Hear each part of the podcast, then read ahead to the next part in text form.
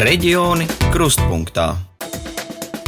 Jo agrīnākā vecumā sāksies darbs ar bērniem, kuriem ir uzvedības traucējumi, jo rezultāti būs labāki. Tā jau vairākus gadus eksperti cīnās par valstisko atbalstu šai problēmai.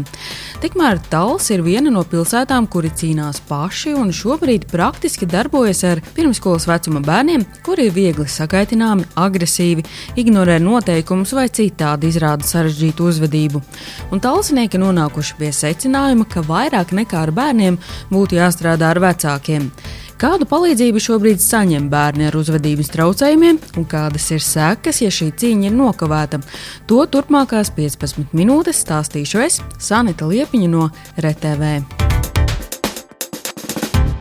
Labrīt. Ir agrs darba dienas rīts, un esmu ieradusies vienā no Talsu pirmskolas izglītības iestādēm.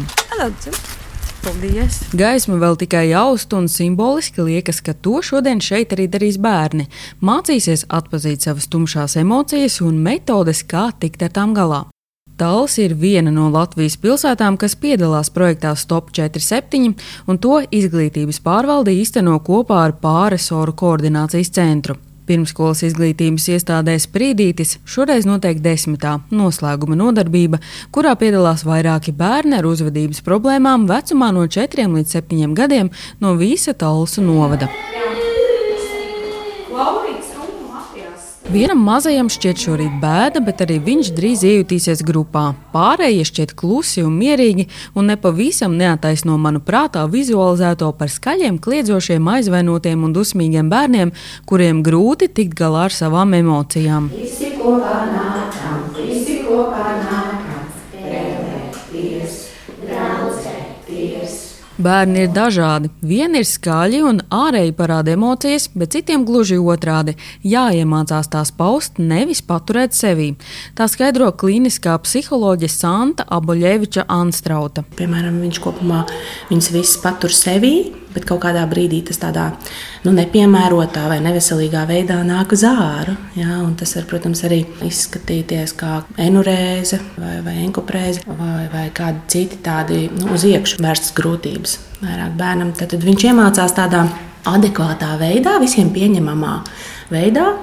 Izpaust savas emocijas, regulēt tās, nenodarot pāri sev, nepaturot viņas tikai sev, un arī, nu, lai, lai nebūtu tā, ka viņš savukārt viņas izpauž un, un, un, un grūti ir visiem citiem ar šīm emocijām tikt galā. Šī ir jau otrā grupa, kurai vecāki bērnus bezmaksas nodarbībām varēja pieteikt brīvprātīgi, un nodarbības notika desmit nedēļas.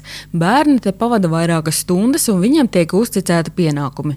Arī galdu tīrīšana un grīdas laucīšana, kur acīm redzami mazie saraudzes degunus un neviens nepiesakās. Taču desmit nodarbībās bērni iemācījušies, kā tikt galā arī ar šādu problēmu situāciju situāciju. Spēles veidā viņi noskaidro, kuram nāksies to darīt.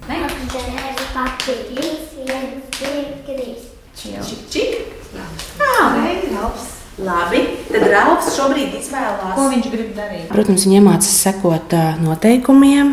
Šeit ir klāta tāda paredzamība, ļoti liela struktūra, sakārtotība, lai tas bērns zina, kādi būs noteikumi, un nevis vienu reizi, bet uh, sistemātiski, regulāri. Līdz ar to tā zūd arī tā nu, pretestība, tā dusmošanās par to. Jo šeit tā tiešām ir katru reizi. Un, uh, viņš sāk rēķināties ar to. Tas ir tas, ko mēs mācām arī vecākiem un, un audzinātājiem. Pieci, četri, trīs, divi, viens. Tur ir jādomā līdzi. Nebija laika dusmoties un domāt par tām sliktajām domām, vai ne? O, labāk! Tā bērni pieaugušajiem parāda, kādas metodes atceras cīņā ar dusmām. Kliniskā psiholoģija norāda, ka pamati, kas ielikti jau agrā vecumā, ir ļoti svarīgi, un vecākiem māca, ka nepareizu uzvedību atmācīt nevar. Piemēram, kā ar agresīvu uzvedību viņš var piemēram, dabūt saldumus pirms vakariņām. Ja es palūdzu mammai, un mamma saka, nē, pēc vakariņām un bērns turpina pastāvēt uz savu arvien skaļāk, agresīvāk, dominējošāk, un tad mamma piekrīt, tad viņš iemācās tādu uzvedības modeli, ah, tātad šis ir tas veids, kā es varu kaut ko panākt. Jā, ka mamma varbūt viņai ir grūti izturēt to spiedienu, un ja es uztaisīšu gan lielu traci, tad varbūt pastāv iespēja. Un šo uzvedību atmācīt nevar. Tā ir viņa mugursomā kā viens, viena no opcijām, kā dabūt vēlamo. Bet Tas, ko mēs mēģinām, mēs mēģinām iemācīt, ka ir arī citas opcijas ar tādu pozitīvāku emocionālo fonu gan bērnam, gan pieaugušajam. Kā bērni mainās, vislabāk redz tieši vecāki, un noslēguma nodarbībā mazie uzklausīja labos darbus, ko mammas un tēti novērojuši. Visu nedēļu esot uzvedusies ļoti labi. Nu, piemēram, tu aizrādīji brālim, ka man tas ir jāvāc katram pašam aiz sevis. Nevis viņai vienai pareizi girtiņi. Ja mājās ir noteikumi, tad viņi ir visiem, vai ne? Es jau daudz dienas biju vāmot. Nu, tad jāsāk, jā, viņam, viņam ir jāmācās, ka pašam aiz sevis jāvāc, nevis mazai māsai aiz liela brāli, vai ne?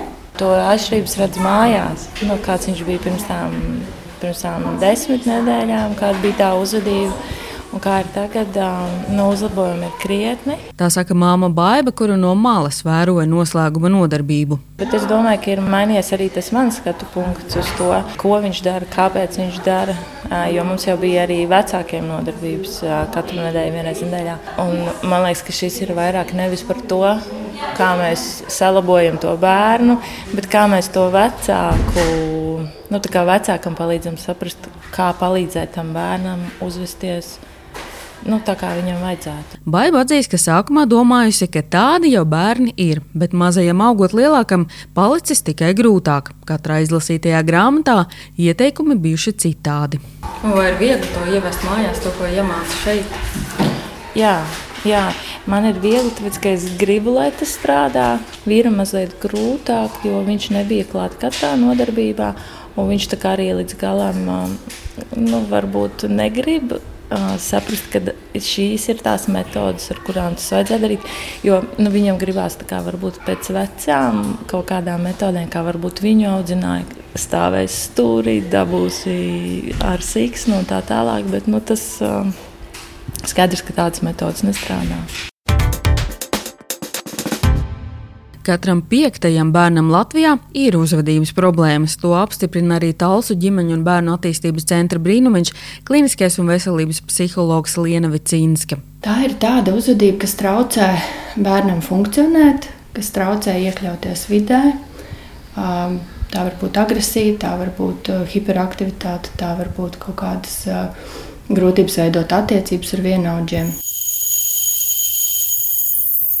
Silto smilšu nodarbības, kur emocijas paliek smilšu kastē un mūzikas terapija, ir tikai daži no pakalpojumiem, kas palīdz tikt galā ar uzvedības problēmām, atbrīvoties no emocijām un spriedzes. Liena Vicinska skaidro, ka uzskats, ka ar uzvedības problēmām jācīnās tikai mentāli pie psihologa, ir maldīgs. Bet tikpat ļoti mēs varam strādāt ar ķermeni un palīdzēt viņam. Nu, teiksim, ja tas ir kaut kāds spriedzes izraisīts eh, uzvedības traucējums. Bērni, kuri ir agresīvi jau pirmsskolā, turpina tādi būt arī tālāk, un pusauģu gados tas jau novada pie depresijas un dažādām atkarību izraisošām vielām. Bērni, piemēram, ar uzvedības problēmām atnāk pie psihologa.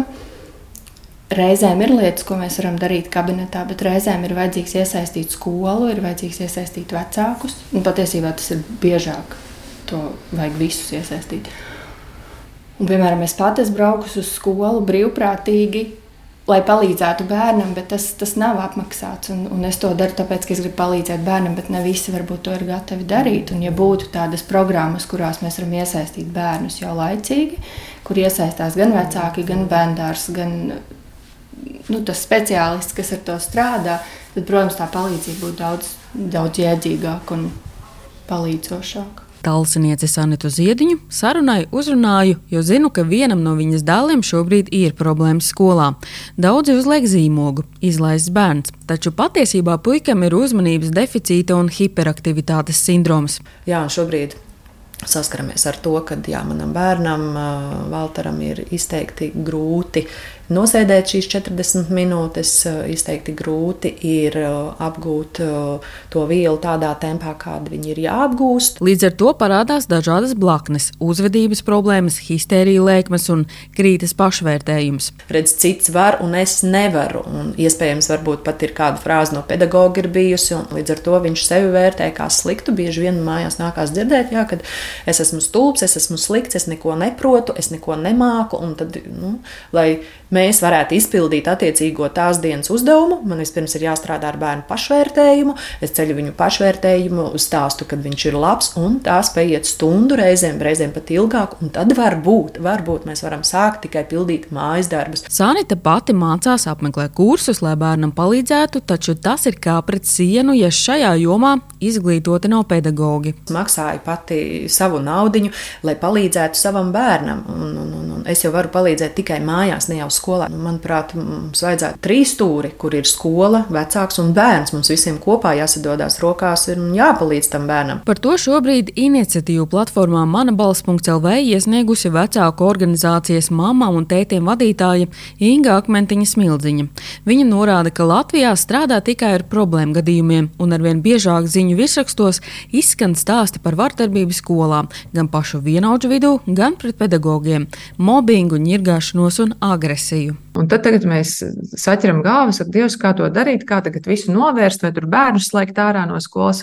Un tā tālāk. Bet uh, tas jautājums ir par neizdarīto mājas darbu, vai un kā valsts ir mērķiecīgi rūpējusies par to, lai šī ņirgāšanās skolās vispār nenotiktu, vai ir izdarīts nu, kaut vai puse no tā, kas bija jāizdara, lai, lai mēs nepiedzīvotu šos skaļos gadījumus, ka tur nezinu, bērns uzbrucis skolotājiem vai vēl visādas nelaimes. Viņas prāt par bērnu labbūtību jādomā un jāstrādā sistemātiski, jāadaptē metodes, kas veiksmīgi darbojas jau citviet pasaulē, jārūpējas, lai būtu gana daudz apmācītu speciālistu un jābūt vienam atbildīgiem, kas šobrīd, kad vairs no bērnu un ģimenes lietu ministrijas, iztrūkst. Un jā, ir, uh, ģimenē viens šāds bērns, ja, un, un ģimene nespēja un nesaņem atbalstu, lai, lai bērnam palīdzētu, lai bērnam ietu viegli tajās mācībās vai bērnu dārzā, tad ir ļoti liela varbūtība, ka šī ģimene vairs nepieņems lēmumu par labu otram vai trešajam bērnam, un ko viņi varbūt ir gribējuši.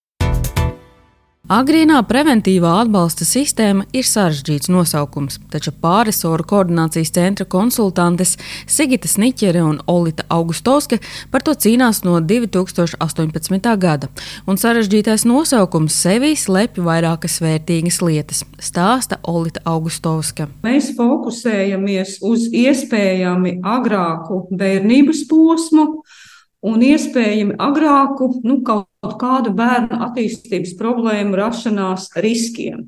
Un tas pirmais fokus ir nu, no bērniņa, varētu teikt, no mammas grūtniecības līdz sešiem gadiem. Projekts Stop 47, kas nu pat noslēdzās Talsos un sevi pierādījis arī citās pilsētās, ir pirmā no ārzemēm aizgūtā un Latvijā adaptētā programma. Šobrīd ir 33 pašvaldību speciālistu grupas, Un kopumā līdz šim ir tuvu pie 900 bērniem un viņu vecāki un pedagogi saņēmuši šīs programmas atbalstu. Ja būtu ieviesta agrīnā preventīvā atbalsta sistēma, šādi projekti nebūtu īslaicīgi, bet pastāvīga lieta, varbūt pat kā centri, kur regulāri saņemt atbalstu. Sistēma ļautu novērtēt reizi gadā katru Latvijas bērnu līdz 6 gadu vecumam un ar jau pārbaudītām, uz datiem balstītām metodēm palīdzēt viņiem tālāk. Agrīnās preventīvās atbalsta sistēmas veiksmīgi darbojas ASV, Lielbritānijā, Somijā un Islandē.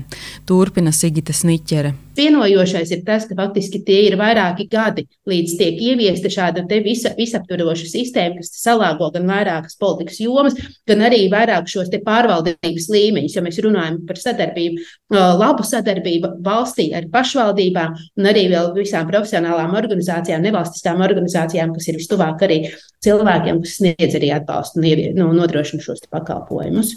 Pārisoru koordinācijas centra konsultantes cer, ka nepieciešamo progresu un un radīt jaunu regulējumu izdosies gada laikā. Raidījumu pēc Latvijas radio viens pasūtījuma sagatavoja RTV Sanita Liepiņa. Nākošajā raidījumā reģioni krustpunktā stāstīsim par tekstila šķirošanu, kas šogad sākusies Latvijā.